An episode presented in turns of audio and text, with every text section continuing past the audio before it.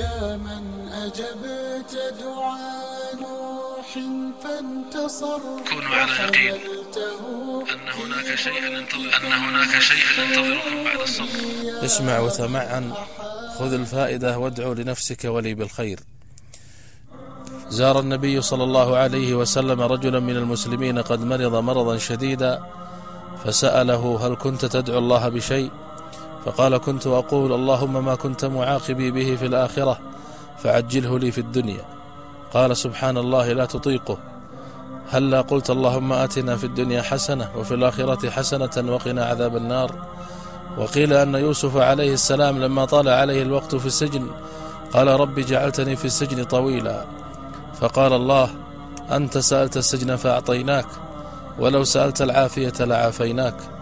وقد ورد في القرآن على لسان يوسف عليه السلام قال رب السجن أحب إلي مما يدعونني إليه. تذكر كم مرة قلت جملة مشابهة. قال الإمام الماوردي القدر موكل بالمنطق راقبوا كلماتكم وراقبوا ما تقوله ألسنتكم فما تقوله تتلقاه نفسك. لذا اختار أحسن ما تطلبه من الله وألحقه بدنيا وآخرة. في حكاية يرويها الشيخ علي الطنطاوي يقول الشيخ كنت قاضيا في الشام وحدث أن كنا مجموعة نمضي المساء عند أحد الأصدقاء فشعرت بضيق نفس واختناق شديد. فاستأذنت أصدقائي للرحيل فأصروا أن أتم السهرة معهم ولكنني لم أستطع ولكنني لم أستطع وقلت لهم أريد أن أتمشى لأستنشق هواء نقيا خرجت منهم مشيا وحدي في الظلام وبينما أنا كذلك إذ سمعت نحيبا وابتهالا آت من خلف تلة. نظرت فوجدت امرأة يبدو عليها مظهر البؤس. كانت تبكي بحرقة. وتدعو الله.